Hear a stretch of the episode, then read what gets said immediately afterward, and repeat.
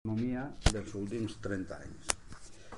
Però la realitat que subjau aquesta fenomenologia financera és una crisi de sobreproducció. O sigui, estem davant d'una una fenomenologia, un caràcter clàssic de crisi capitalista en la qual la capacitat de producció del, del conjunt del sistema degut als avanços que hi ha hagut a la productivitat tant als països del centre com als països emergents ha creat un volum, una materialitat, una capacitat productiva i una realització de, de producció de mercaderia que no té sortida al mercat precisament perquè el, aquesta mercaderia és el resultat d'un procés en el qual la, el, la composició de capital, la inversió en tecnologia ha fet ha provocat el desplaçament massiu de la força de treball de l'esfera productiva.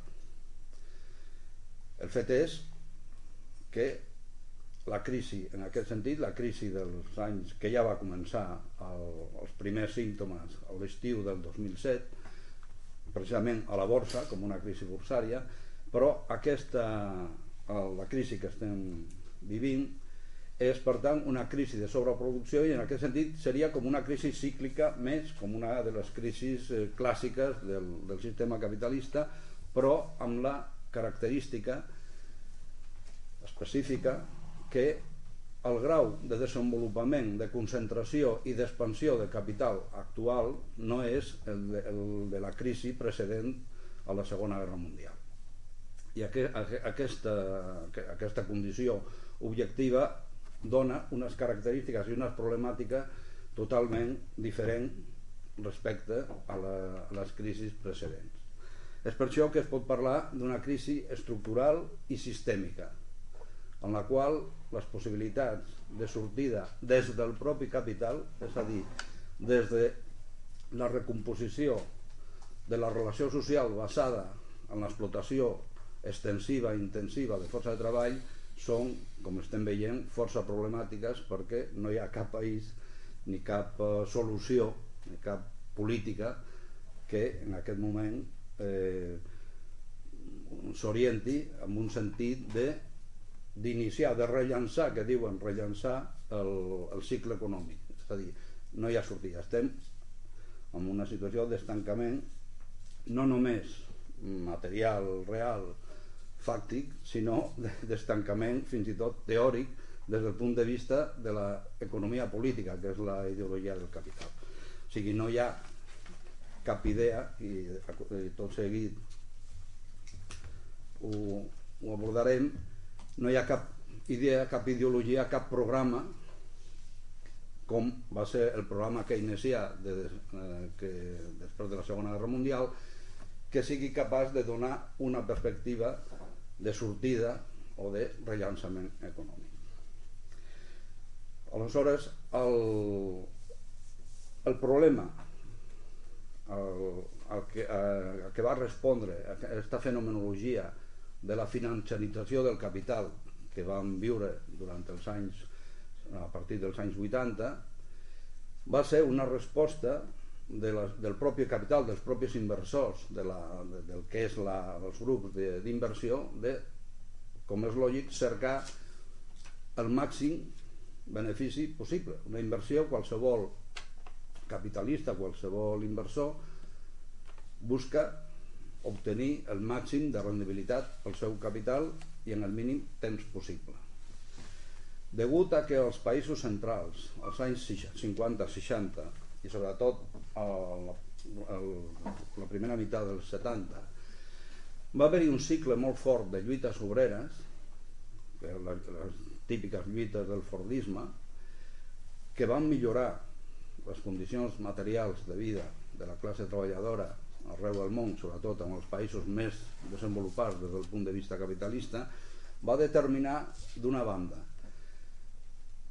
que la composició de capital augmentés, és a dir, que cada vegada s'invertís més en automatització, més en capital fix, es desplacés cada vegada més la mà d'obra, es creessin eh, serveis serveis que no eren ben bé productius o, o absolutament productius i d'altra banda la part de capital que no estava invertida, que no era capaç d'obtenir un benefici màxim a través de la inversió en, en les noves tecnologies i en la producció intensiva d'alta productivitat es va destinar allò que era el més productiu, que és els diners que es fabriquen a si mateixos, no? que és el joc bursari, el, el joc especulatiu.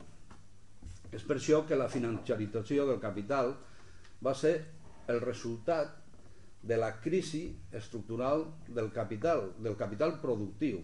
Per això la dicotomia que es fa entre capital productiu i capital especulatiu és, fins a cert punt, una, una falsa dicotomia, perquè tots dos van lligats. És a dir, un n'és el resultat de l'altre. Junt amb, aquesta, amb aquest procés de, de financiarització o d'inversió en capital en productes purament eh, financers, que podia ser que estaven eh, composats d'accions de, dels propis eh, capitals productius, no? d'empreses, o de...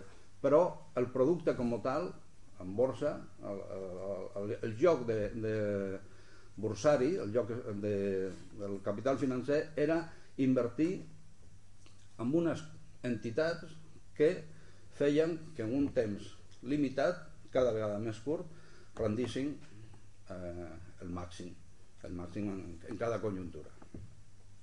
Això va, va anar acompanyat d'un procés de deslocalització que tots coneixem de, del que era l'aparell productiu del centre capitalista cap a la perifèria també com a recurs per fer front a la, a la pressió del moviment obrer dels anys 60-70 aleshores el 30 anys un procés que, que s'estén al llarg de, de tres dècades, pràcticament, dona com a resultat la insolvència de la classe treballadora de la societat proletaritzada del centre, atur, treballs més precaris, treballs improductius, serveis per entretenir a la gent, mal pagats i poc eh, rendibles pel capital i per tant mal pagats per la gent.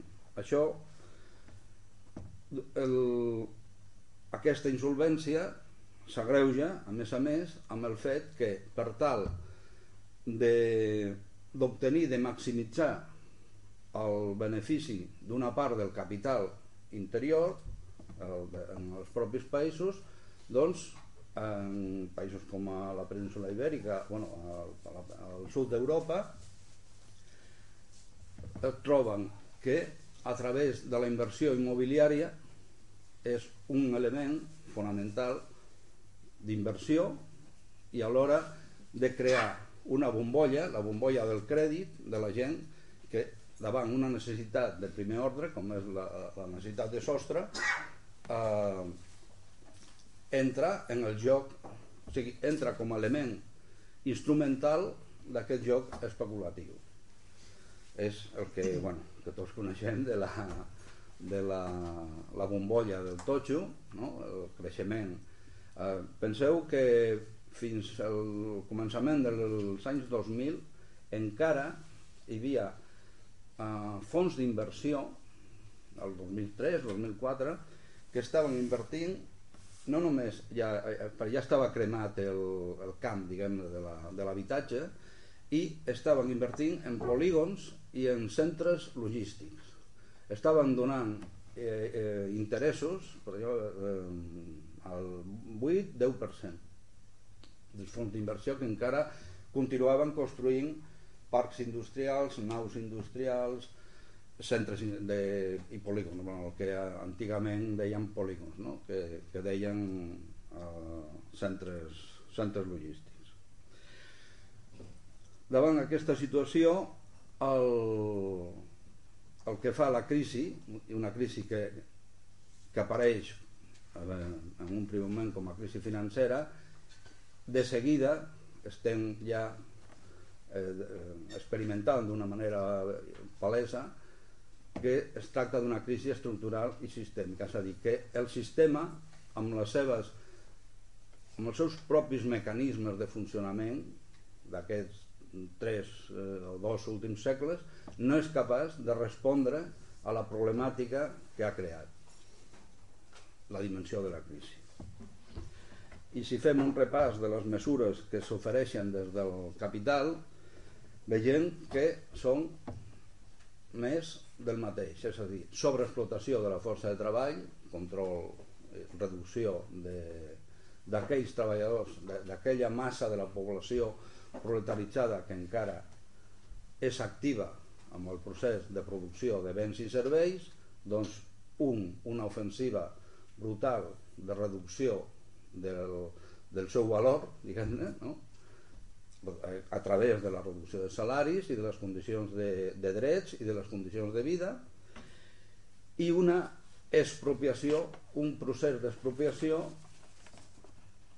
que és eh, paral·lel però eh, complementari com és el procés de privatització de tot allò que era el bé comú privatització que arriba al, des de la terra, no? el, el, el territori, privatització de, de l'espai i privatització de fins i tot un detall molt significatiu de l'espai públic fins al punt que, per exemple, hi ha l'afany de recaptar diners, de fer entrar amb el circuit de la valorització del capital, del negoci, l'espai fa que eh, una rambla com la Rambla del Poble Nou ja sigui intransitable perquè ja està ocupada per les terrasses.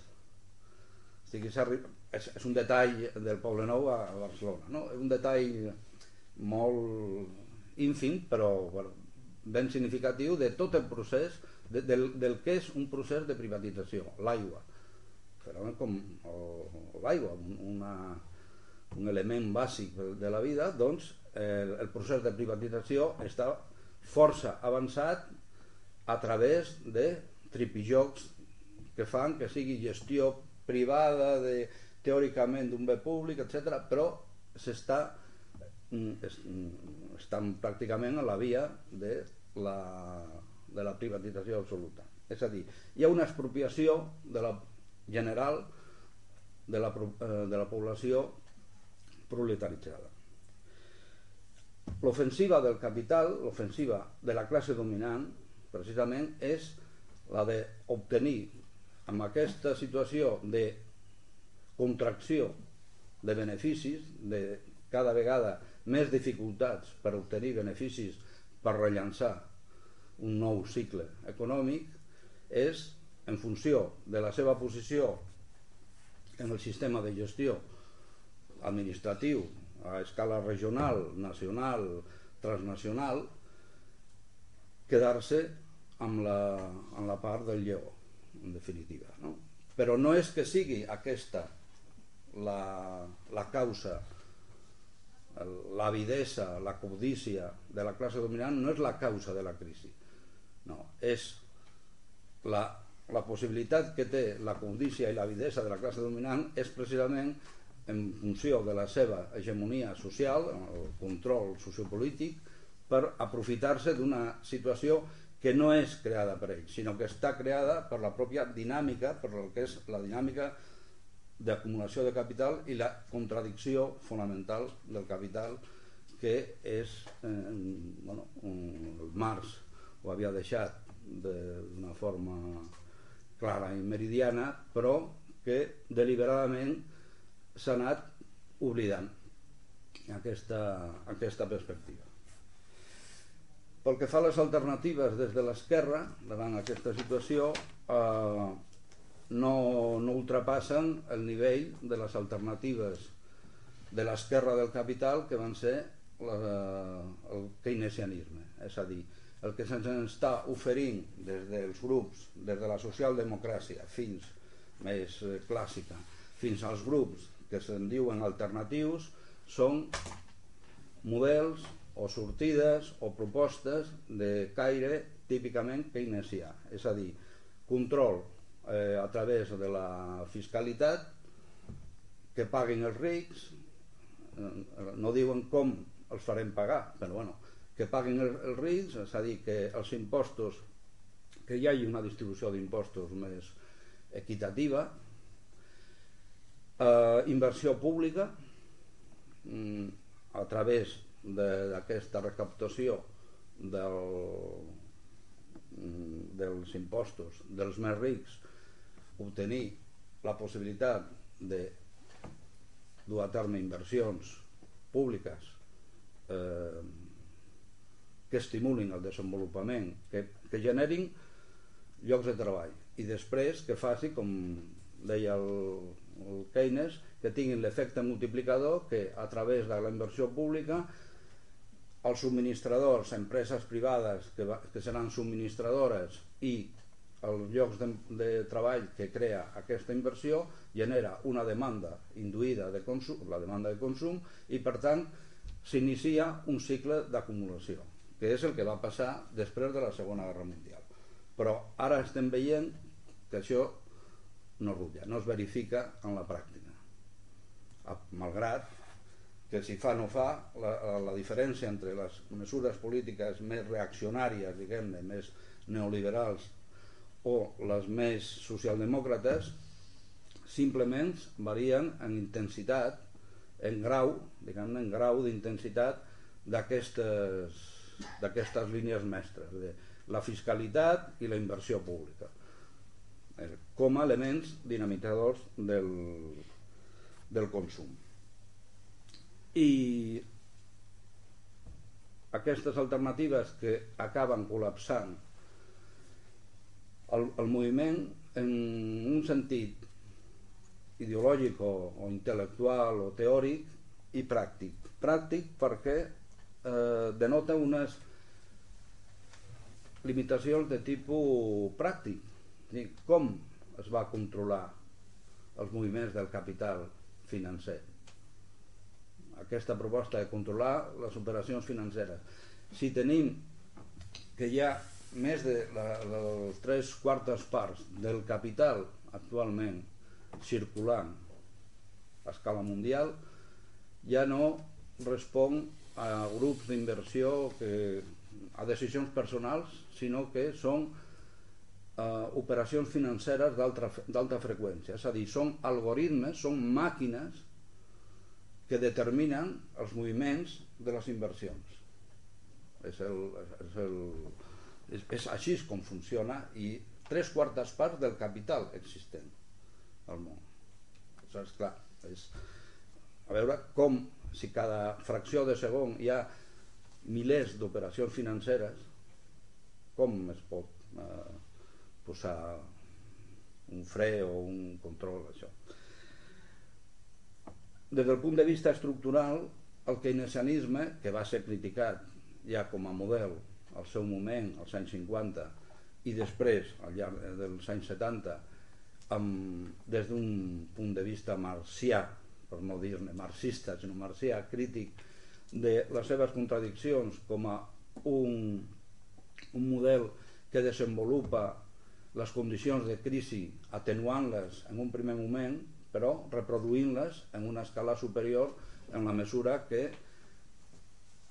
augmenta el, la producció improductiva, és a dir, el, eh, sigui en els anys 70 fins als anys 70 era la producció militar que no és, eh, és producció per al malbaratament que se'n diu en, en termes econòmics és a dir, no és una solució a la crisi, sinó és, una, és simplement un pal·liatiu immediat per reproduir les condicions de crisi amb, una, amb un nivell superior. I és el que per això la crisi, a partir dels anys 70, l'esgotament de les mesures keynesianes van posar en, en evidència la necessitat o sigui, la manca de rendibilitat del capital en conjunt i per això va venir el que deia abans de la financiarització.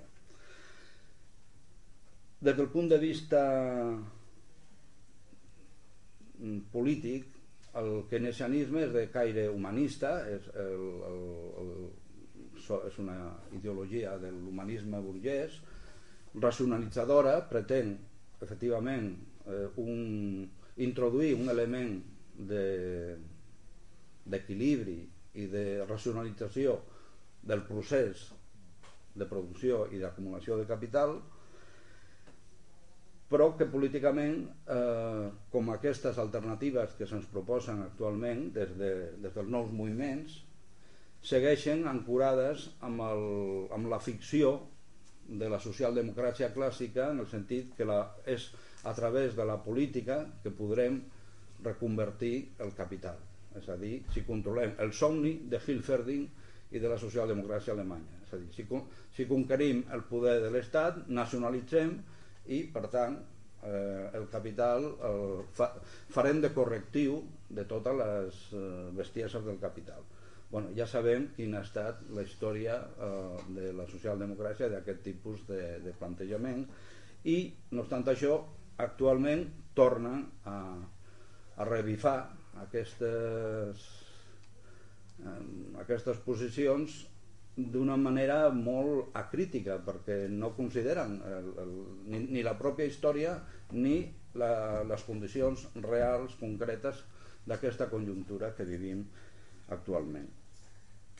I finalment el, hi ha un aspecte que fa que, el, que aquestes alter, eh, anomenades alternatives de caire keynesià és, eh, mm, suposen un entrebanc pel desenvolupament d'una mentalitat eh, anticapitalista. No formalment anticapitalista, que és el que proposen, sinó realment anticapitalista, en el sentit que propugnen augmentar el consum i rellançar el desenvolupament, el creixement. El, ja avui dia és impossible plantejar-se res sense qüestionar el què, com i per què produir. És a dir, la crisi del capital és la crisi de la societat industrial i de la democràcia en la mesura que el sistema de representació que coneixem i el sistema de dominació fonamentat amb el desenvolupament industrial són la forma històrica del capital que ha assolit a hores d'ara un nivell de no sortida. I ja passaria al, al Miquel, que m'he estès més del que hagués volgut. Bé. Jo ja faria un aclariment en, dir, en dient que l'aspecte que el Carles toca de la crisi, l'aspecte financer, econòmic, que il·lustra ben bé les contradiccions internes del sistema capitalista.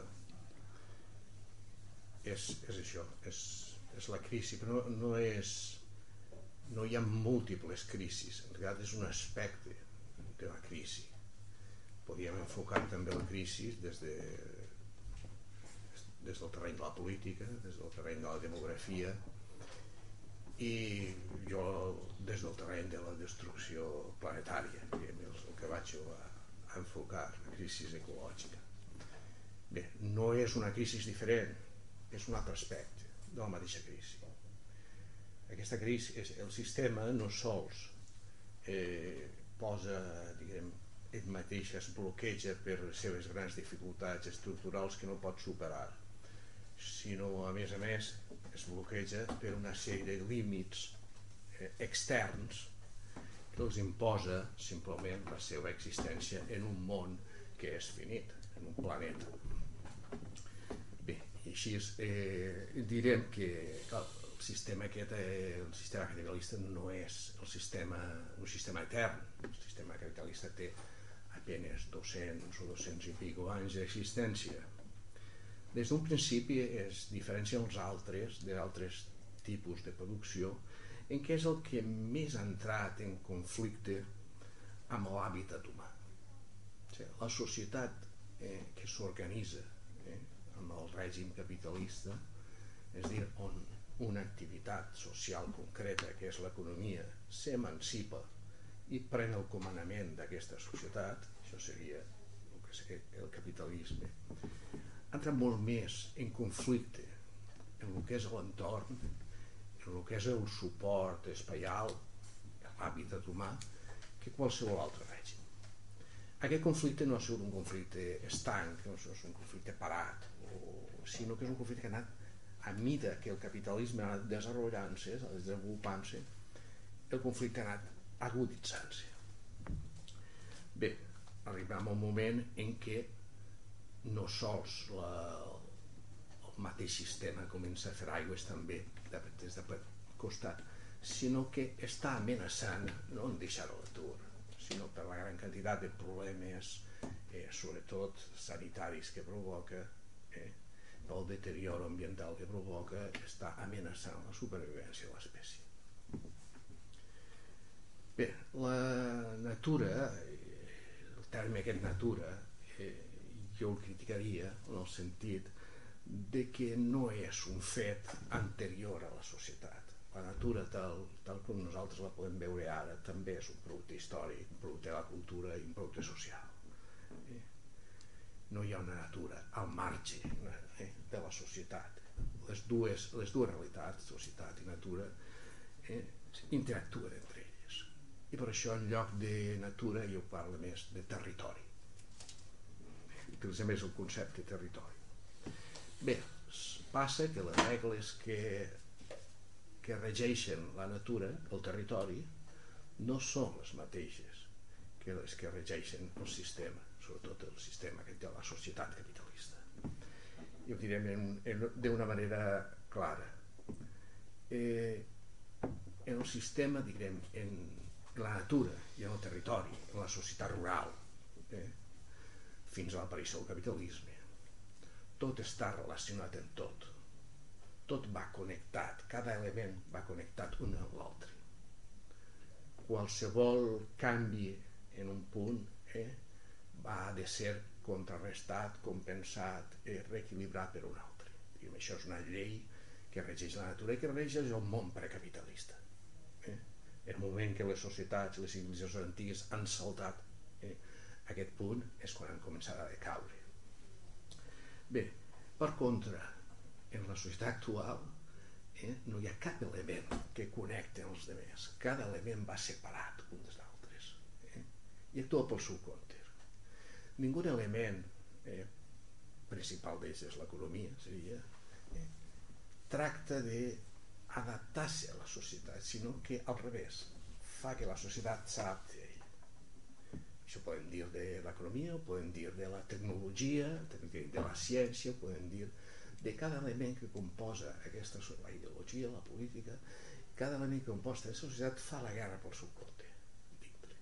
Encara que l'economia és preponderant, però cada element eh, en un moment donat eh, i tracta de condicionar-ho tot al seu favor. Eh? Diguem, aquesta és la gran diferència. Els processos, diguem, els processos que regeixen un món precapitalista són processos eh, connectats, eh, i els altres són desconnectats. Eh? És més, anem, el funcionament és cíclic. En el territori, i en la natura també, eh? els processos són cíclics, no hi ha residus. El que, el que produeix com a residus eh? un estadi determinat eh? és utilitzat per l'estadi següent, no? per l'etapa següent com matèria primera.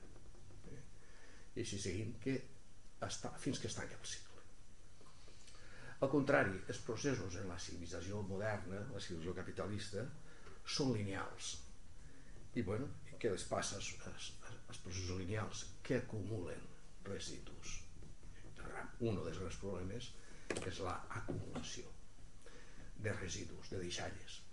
Aquesta acumulació eh, produeix un efecte important, que és la contaminació, produeix més coses, pluges àcides, produeix degradació territorial, produirà una quantitat de destrucció de la flora, destrucció de la fauna, eh, esgotament de recursos, canvi climàtic, eh, ja anirem una mica més detallant això.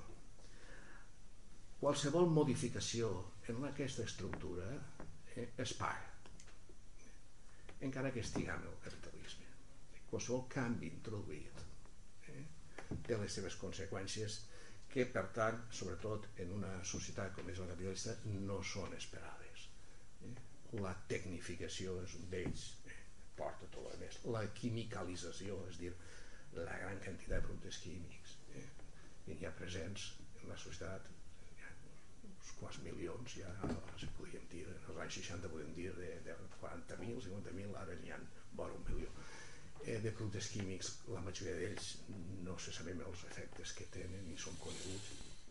Això es paga, tot això té un cost. Bé, aquest és el cost que no ha comptat el capitalisme. Bé, aleshores el món està atrapat en un mig, entre diguem, el mig territorial, eh, que està en retrocés. Eh? I, bueno, més bé que el món, la humanitat. Eh? I el mitjà, sobretot artificial, urbà. I entre el, els dos xocs aquest xoc entre, entre un món entre una, un medi i l'altre és el que a mi és el responsable de la crisi el responsable real de la crisi. Bé si nosaltres ignorem el territori ignorem la natura aleshores la crisi simplement quedaria com a problema, problema ambiental qüestió de, de conservacionisme, de mesures, d'innovacions tecnològiques, de tasses, d'impostos, de multes, de, noves, de nova investigació, etc. És dir, si oblidem, eh, separem el territori eh, de la societat, la qüestió, la qüestió de la degradació del territori és una simple qüestió tècnica. Eh? És vista com així. Si en canvi ignorem la societat. Eh? La crisi és vista com una qüestió, com un problema de la, de la civilització, és vista un poc en pla apocalíptic. La culpa la té l'espècie humana, la té l'home. Aquests són uns plantejaments que, que avui en dia estan posant-se de moda, tots els friquis del món els tenen. Eh, bé, aquests són els dos extrems diguem, de plantejament de la, de la crisi des, des d'aquest punt de vista, la, de la crisi del territori. Clar, evidentment, una, una visió simplement conservacionista eh, sobrevalora les noves te tecnologies i el paper de l'Estat, és dir, l'Estat aplicarà una normativa, res que no puga el mercat, eh, variant en unes noves regles, funcionar d'una altra manera eh, i bloquejar direm, els processos que deterioren el territori. D'una altra forma, pues, eh, els que rebutgen direm, aquesta diuen que la classe, la, la humanitat no és la, la, la, diguem, el pic de la creació, no és, no és res d'això, i que per tant l'home simplement és un animal que està destruint tot. Pues això porta a l'antiespecisme i porta sobretot abans de l'antiespecisme, sobretot a la meditació transcendental i a l'espiritualisme, al budisme zen i coses d'aquestes. Bé, són dues formes d'irracionalitat. Una irracionalitat, eh, encara que de signe contrari. Una, una irracionalitat, que és l'habitual, l'ecologisme, diguem, d'estat, o, o l'ecologisme verd, capitalista, pensa que anant una mica més enllà en la tecnificació i l'artificialització de la societat tindrem la solució.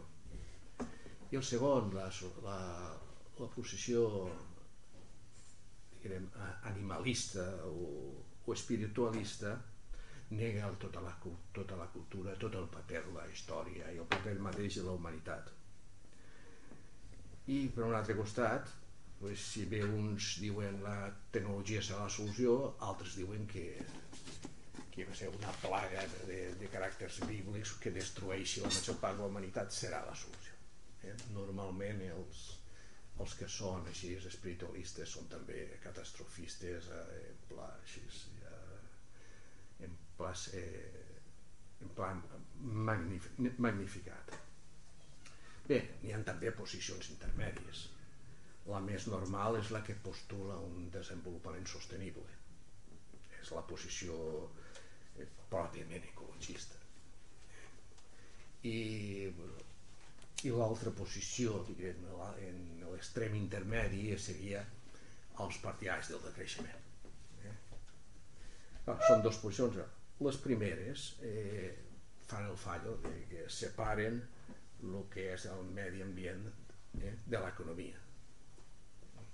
I clar, eh, no molestem a l'economia i tractem d'arreglar el medi ambient. Pues trasbassant, trasbassant eh, recursos d'una esfera a altra. Per exemple, gràcies a lleis o intervencions estatals o a acords en empreses, etc. Per això molts d'estos ecologistes s'hi troben en empreses eh, iniciant eh, negocis verds i són assessors pràcticament en totes les oficines polítiques que hi ha de tots els partits. Eh, bé, per un altre costat, el decreixentisme no fa aquest error. El decreixentisme sí que unifica la crítica decreixentista sí que unifica la, la, el medi ambient com a, i l'economia, però en canvi fa una altra, és dir, el separa de la política.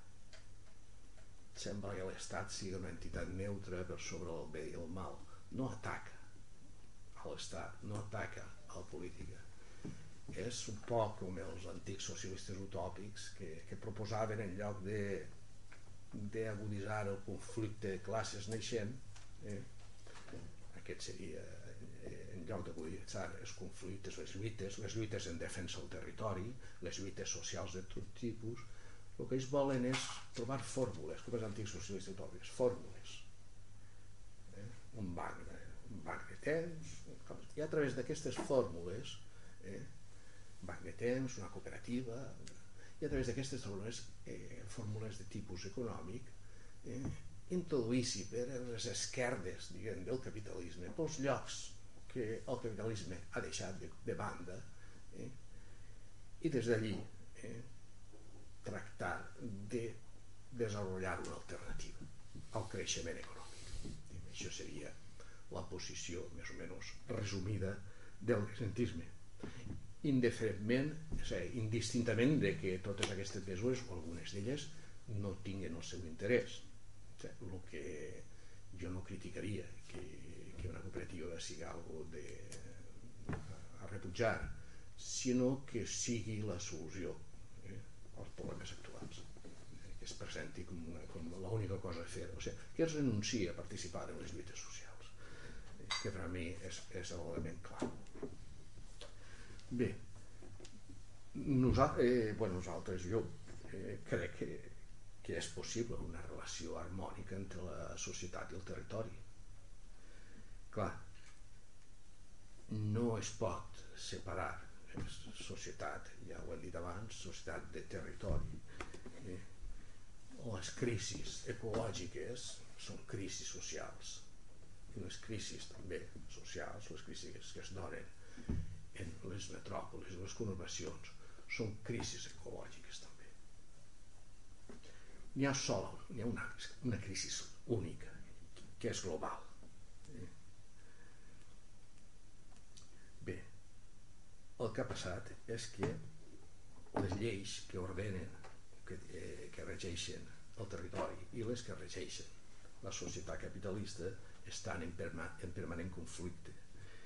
I, bueno, i aquest conflicte, el resultat actual és és el desmoronament, la desaparició de tot tipus d'equilibri per un procés que, que el Carles ha assenyalat en relació a les Rambles, a la Rambla Polo Nou, però que es pot eh, extrapolar a qualsevol aspecte del territori, a qualsevol cantonada del territori. Qualsevol cantonada del territori pot ser capital, és dir, es pot capitalitzar, pot transformar en un mecanisme de benefici privat.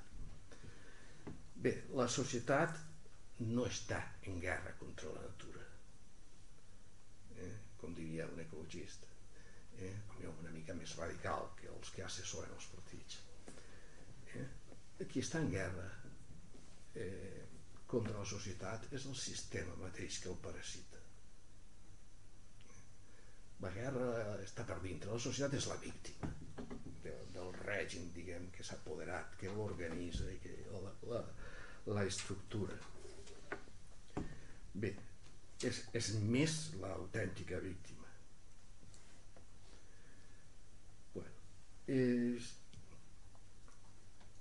aquest règim, eh, ja seria repetir, eh, es basa en el benefici privat i es basa sobretot en que uns, una activitat concreta, que és l'economia, eh, determina totes les altres. És dir, eh, eh, es fa autònoma, s'independentitza eh, i controla la societat. A partir d'ahir eh, tot es fa.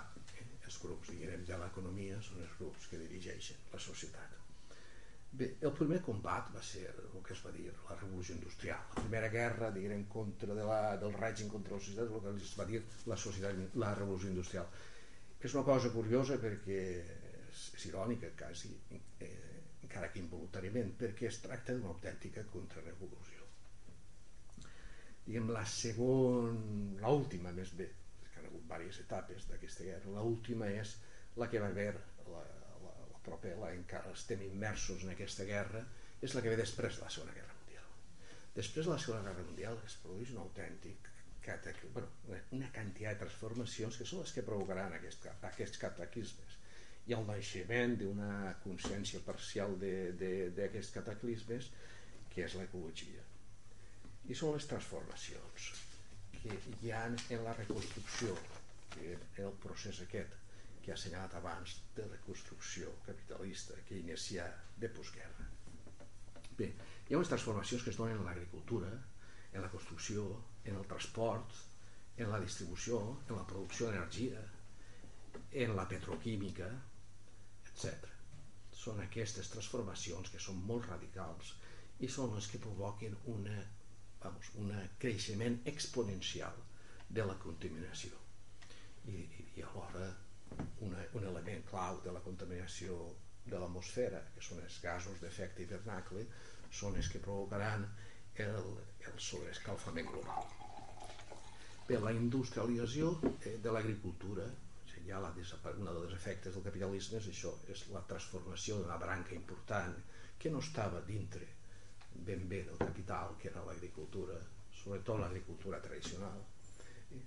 Llavors és, és liquidada després d'un procés eh, vamos, en principi llarg, després molt ràpid, de motorització, eh, d'especialització, de, que és un mercat important, de terra, eh, s'industrialitza l'agricultura.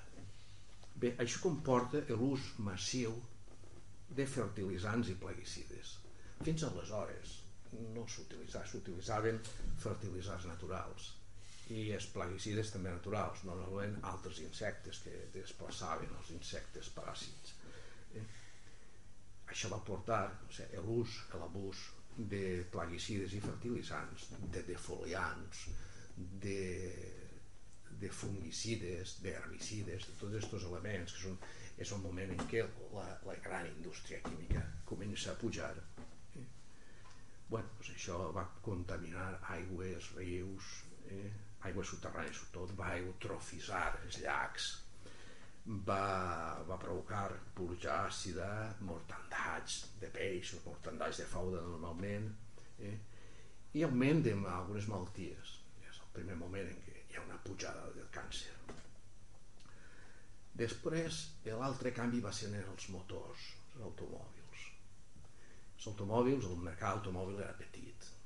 Per això el mercat de la alta gamma de la gran potència. Es canvien tots els motors i es crea un motor de combustió de, de gran potència. Això implicava un consum molt major de, de combustible, de benzina. I el problema no és bueno, va crear en si de problemes, perquè la combustió, eh, la gran potència feia tremolar els motors, aleshores tenies que ficar-li plom a la gasolina, el plom passava a l'atmosfera. El respirar la gent s'enverinava. I ara està prohibida això o està pràcticament ja reduït el problema aquest. Però no en canvi la, la boira fotoquímica que provoca la combustió de, de la benzina. La combustió de la benzina, sobretot de les impureses de la benzina eh, fa diòxid de nitrogen. La combustió del dièsel i d'altres combustibles derivats del petroli és cada més forta. Bé, el diòxid de petroli, el diòxid, el diòxid eh, de nitrogen eh, és el responsable d'aquest barret eh, que es, que es barreja amb la pols, hi ha els residus d'hidrocarburs no, volàtils no cremats, eh? que són els que contaminen l'atmosfera. És el terme que es dia smog, es van dir un terme perquè va, el, el primer fenomen va ser a Londres, on van morir moltíssima gent de, de problemes d'asma i coses, va, va, va desencadenar una gran mortandat per problemes d'insuficiència respiratòria i tot. Bé, una altra ha sigut la substitució del ferrocarril, del transport ferroviari per el transport de carretera. Bé, i una altra ha sigut la urbanització progressiva, el creixement de les ciutats, les ciutats gràcies als automòbils, gràcies al, al transport, sobretot al transport privat, eh, va, va desenvolupar, les ciutats han poder créixer i les ciutats són mercats i els mercats s'acumulen eh, plusvàlues bé, tot això va, de, va, va disparar la demanda de ciment la demanda d'asfalt la construcció d'autopistes de, de carreteres eh, que l'impacte sobre el territori és evident. Tots, tot, totes les perifèries eh, metropolitanes eh, han desaparegut. O sigui, tot el que era camp eh, que normalment abastia, és el cultiu de proximitat, que fins als anys 60 abastia, per exemple, Barcelona en un 60%, tot això ha desaparegut. Bé, eh, sabeu també que la indústria del ciment és una de les més grans contaminants que hi ha, les que més eh, envia diòxid de carboni, gas d'efecte hivernacle a l'atmosfera.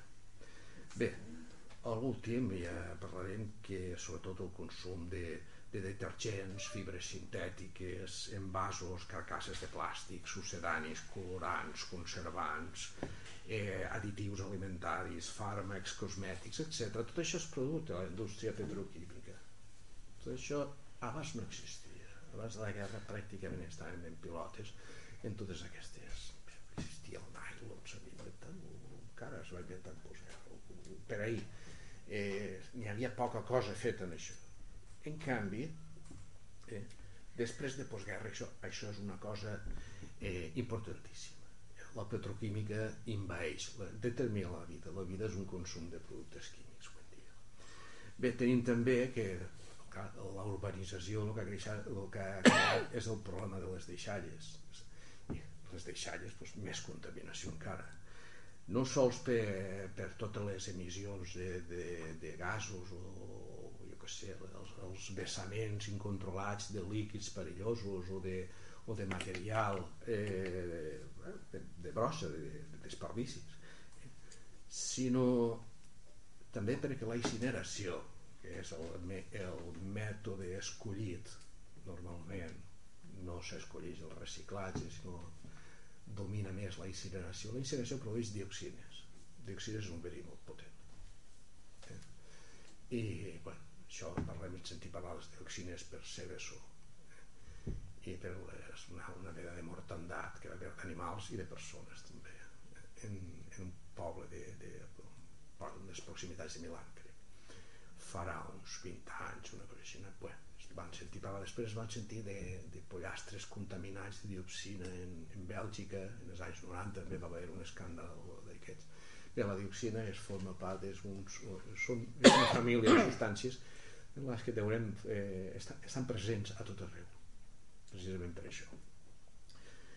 Bé, eh, si a això afegim eh, els problemes energètics que estan conduint a, les prospeccions de, de gas no convencional per factura hidràulica, la construcció de centrals tèrmiques eh, constantment de nuclears i finalment a les plantacions d'agrocombustibles doncs ja tenim tot el panorama Bé, s'ha donat un salt qualitatiu en, en la industrialització que té aquesta vessant, eh, aquesta vessant contaminadora i destructora eh, associada. Per això ha donat lloc a la constitució d'una oligarquia trans, transnacional en uns poders que sí que podem dir infinits. O sigui, al voltant de l'agroalimentació, dels plàstics, de la química, de, de l'energia, de del transport, de les grans superfícies, la distribució, tot això, s'ha creat grups de poder fortíssims, bueno, associats als bancs, evidentment, que estan tots per mig. I aquests són els grups que manen a l'actualitat. Eh?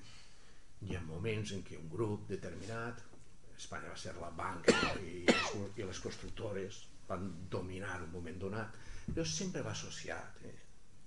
Els constructors d'automòbils, de vehicles normalment, industrials, eh? I, i són les grans superfícies, i són les, les evidentment el negoci de l'energia també no, quan parlem d'energia no estem parlant de, jo què sé, d'Iberduero, de, de FEXA, això no existeix. Ara n'hi ha multi... Aquestes empreses s'han unificat i són multinacionals.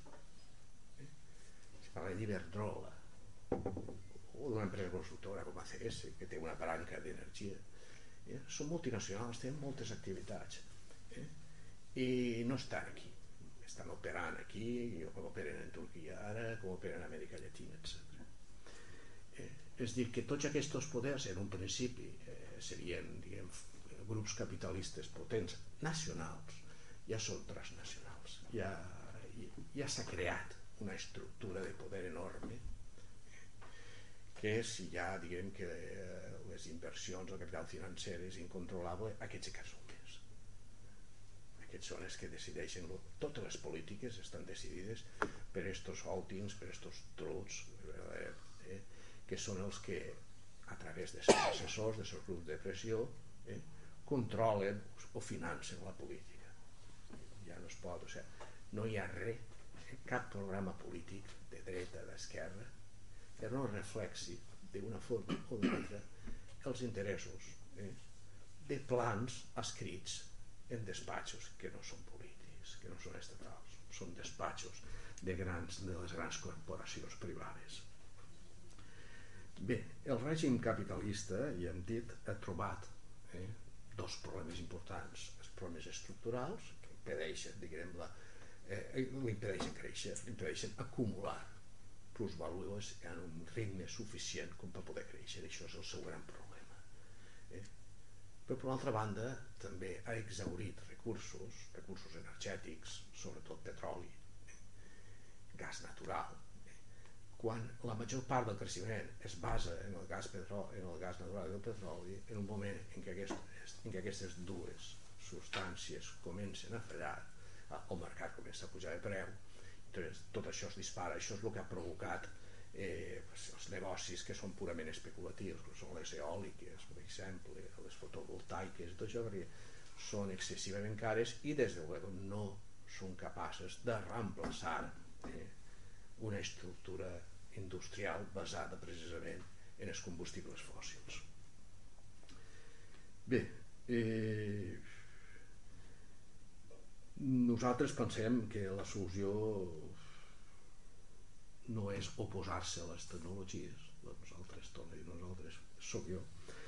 Eh, eh, no, som, parlo de mi, dic el nosaltres així, eh, com es deia abans, nos, eh, Bé, un transport eh, públic col·lectiu, sí, creiem en tecnologies benignes i, i convivencials. És dir, tecnologies que no alteren les estructures socials, que han de ser horitzontals, han de ser solidàries i comunitàries. Una societat així és, eh, pot admetre, eh, pot admetre tecnologies que estiguen sempre en funcions de les necessitats reals, no en funcions d'un benefici privat. Però, eh, evidentment, aquestes tecnologies eh, no són compatibles no són compatibles en una estructura, en un món organitzat segons el capitalisme, orientat cap a la consecució del benefici eh, del benefici privat eh, indiferent a les necessitats o desitjos del conjunt de la societat. Bé, eh, i en parlaríem de que ha que acabar sobretot en la petroquímica.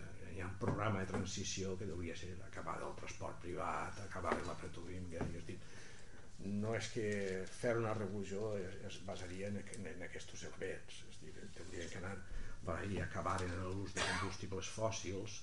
En aquesta concepció que fa que una energia renovable com és el vent el capitalisme en si la transforma en una central industrial que no és operativa. El que és operatiu és l'energia renovable a petita escala, aplicar a escala local o fins i tot menys que local, eh? a escala de, de grup de vivendes i tot això. E, e, e, extremadament descentralitzada. Així tenim estalvi, diversitat, reciclatge, frugalitat, molt assembleisme, en fi, això serien els elements d'un nou d'un pro, programa de canvi real eh, jo pense que aquest combat perquè clar, els, els tenim davant i és això el que els decrescentistes els ecologistes no volen veure que tot aquest capitalisme ha generat unes oligarquies potentíssimes, uns interessos fortíssims, a més ben servits per tota una classe política.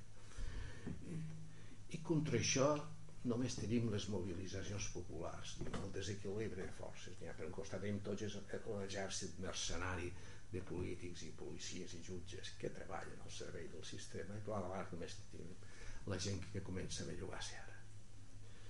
Bé, això, diguem, la, la, la balança està molt inclinada al costat del poder, però el poder fa, molts, fa moltes errades, fica molt la pata. I diguem també, ell mateix diguem, es fa la corda en gran part contribueix a, a, fer, a fer la corda en la que, en la que l'hem de penjar i per tant eh, cal comptar també no sols en els encerts de la gent que s'hi oposa sinó sobretot en saber utilitzar les enormes errades que aquest poder eh, està cada dia està cometent i ja aquí pararia i li passaria la veu a Lluís, que concluiria la xerrada.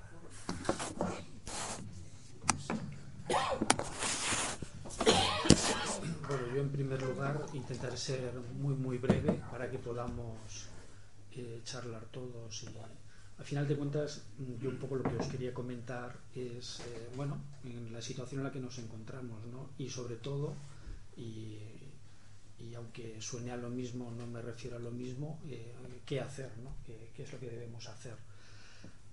De todos modos, mmm, pienso que es evidente que el capitalismo ha vivido desde el mismo momento de su nacimiento en una permanente crisis. La crisis hace parte constitutiva de, este medio social.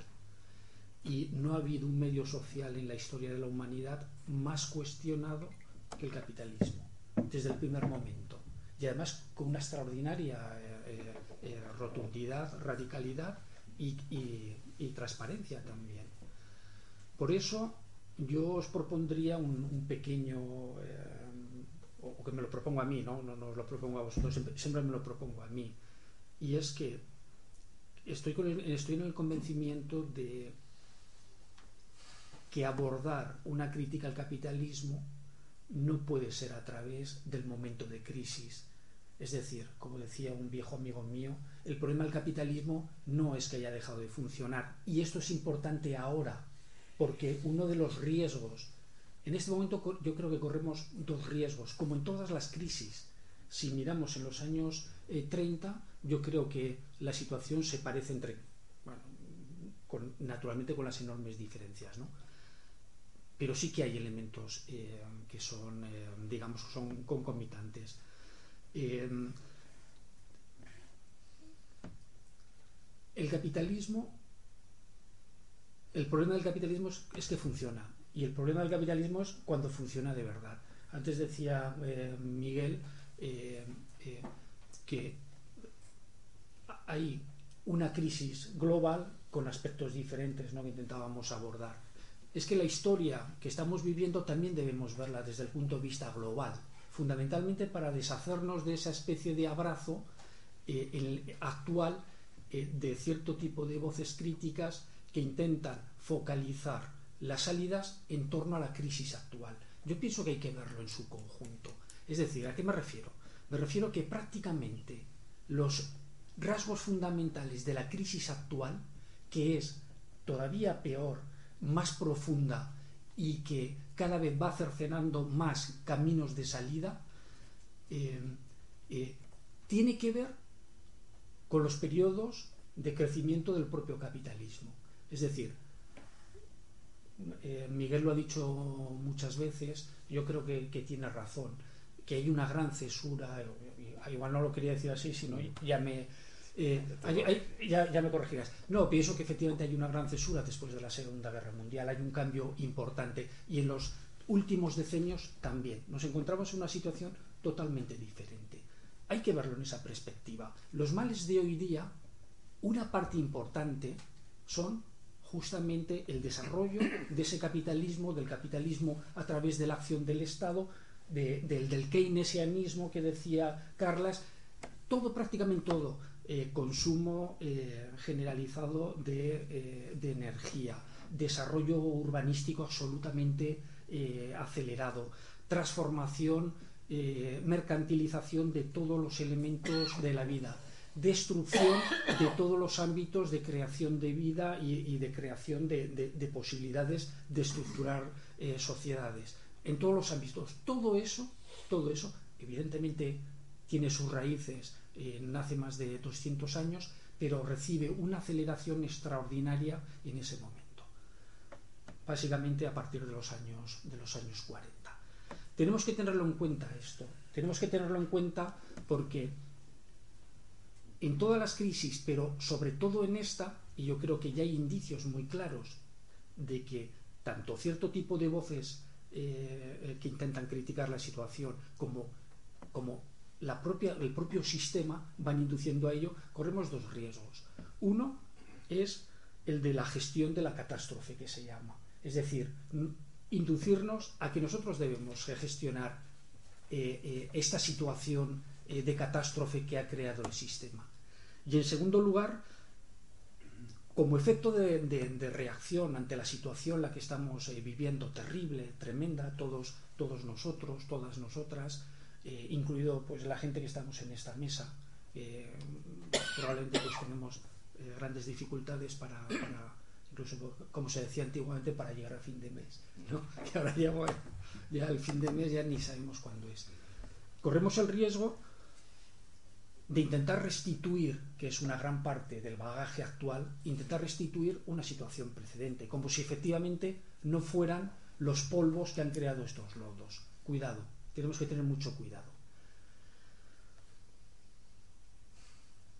Hay una, una, inmensa, una inmensa descomposición eh, eh, política, ¿no? una inmensa descomposición social.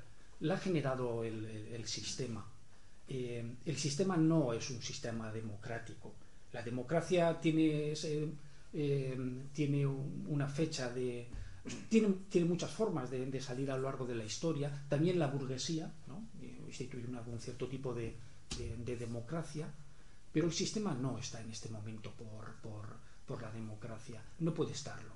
Entre otras cosas, y su, y su contrario, también eh, eh, eh, de la parte del espejo también padece esa descomposición. Entre otras cosas porque no hay una clase verdaderamente en términos clásicos, en términos como, como, las hemos estado, hemos estado hablando de ellas en el siglo XIX y, gran parte del siglo XX. Ni por parte de la burguesía, que no existe, por supuesto que existen privilegiados, etcétera, pero no la burguesía como clase, y tampoco por el proletariado convertido y, deshecho en una especie de masa amorfa eh, eh, sin, características eh, propias. No por casualidad, no, no, no, no, por decisión propia, sino ha sido fundamentalmente esta, esta profunda desclasación que existe a partir de los años 30, ¿no? profunda, terrible, y que ha conducido a la situación en la que nos encontramos la democracia no funciona. No puede funcionar, entre otras cosas, eh, por, varios elementos. ¿no? La primera, porque no hay clases. En segundo lugar, porque lo que son los estados-nación, excepto aquellos que no, aquellos que no, que no existen y que quieren existir, tampoco, tampoco existen, tienen grandes dificultades en articular eh, políticas propias, ¿no? cada vez más, cada vez más eh, orientados a grandes bloques y con muchísimas dificultades para, gestionar su propia situación. No puede haberlo porque el sistema es extremadamente complejo. Este, este, sistema es muy, muy, muy complejo, muy complejo. Y además ha desposeído a todas las personas, nos ha desposeído.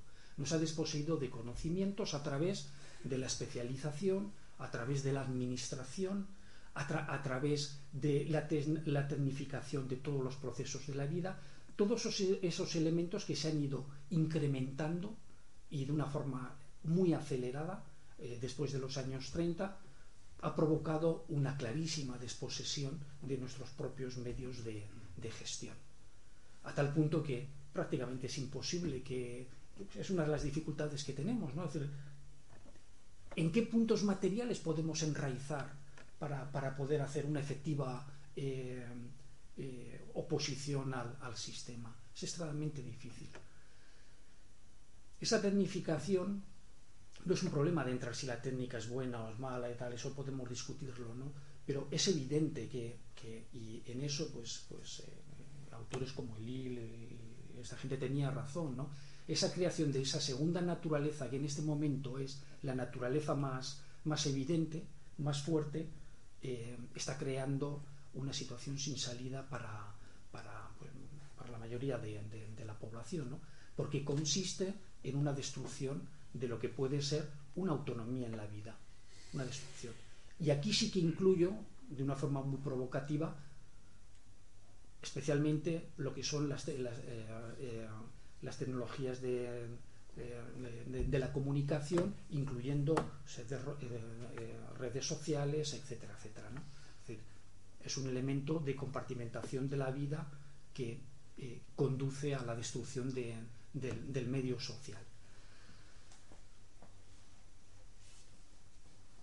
Si miramos los movimientos, eh, es evidente que la situación es una situación extremadamente difícil en todo el mundo, en todo el mundo, bien sean en colectividades eh, completamente ajenas a lo que es el capitalismo. Eh, en Perú están intentando por todos los medios destruir las colectividades que, que quedan de, eh, eh, de redes eh, tradicionales de vida vinculadas al, territorio, a la, naturaleza, etcétera. La masificación, la destrucción de la naturaleza, la masificación y destrucción de las redes sociales, en, por ejemplo, en China. Todos esos elementos, aquí en Europa, en América, en Estados Unidos, etcétera, evidentemente está conduciendo pues, a que intentemos resistir, ¿no? y, y, es evidente que cada vez está habiendo pues más reflexión que yo creo que es uno de los elementos fundamentales no haciendo un poco una, una, una parodia de, de, aquella frase de Marx pues quizá sería bueno que ahora nos paráramos un poco ya, ya lo había dicho alguna gente no nos paráramos un poco y más que transformar que la verdad es que el mundo no nos necesita a nosotros para que se vaya transformando sí que pensarlo y, saber exactamente hacia dónde queremos ir y cómo, cómo queremos ir. Yo no sé, yo os lo lanzo, os lanzo la, el debate, ¿no? Eh, y, os lanzo el debate, seguramente aquí hay gente que habéis estado en el 15M o, que estáis en plataformas como la CUB o otro tipo de plataformas eh, que son expresión eh, de una voluntad de querer eh, o romper o, limitar la situación en la que vivimos y que en ese sentido pues evidentemente es positivo pero que probablemente si no hacemos una reflexión en profundidad esta crisis solamente será eh, la antesala de una crisis todavía peor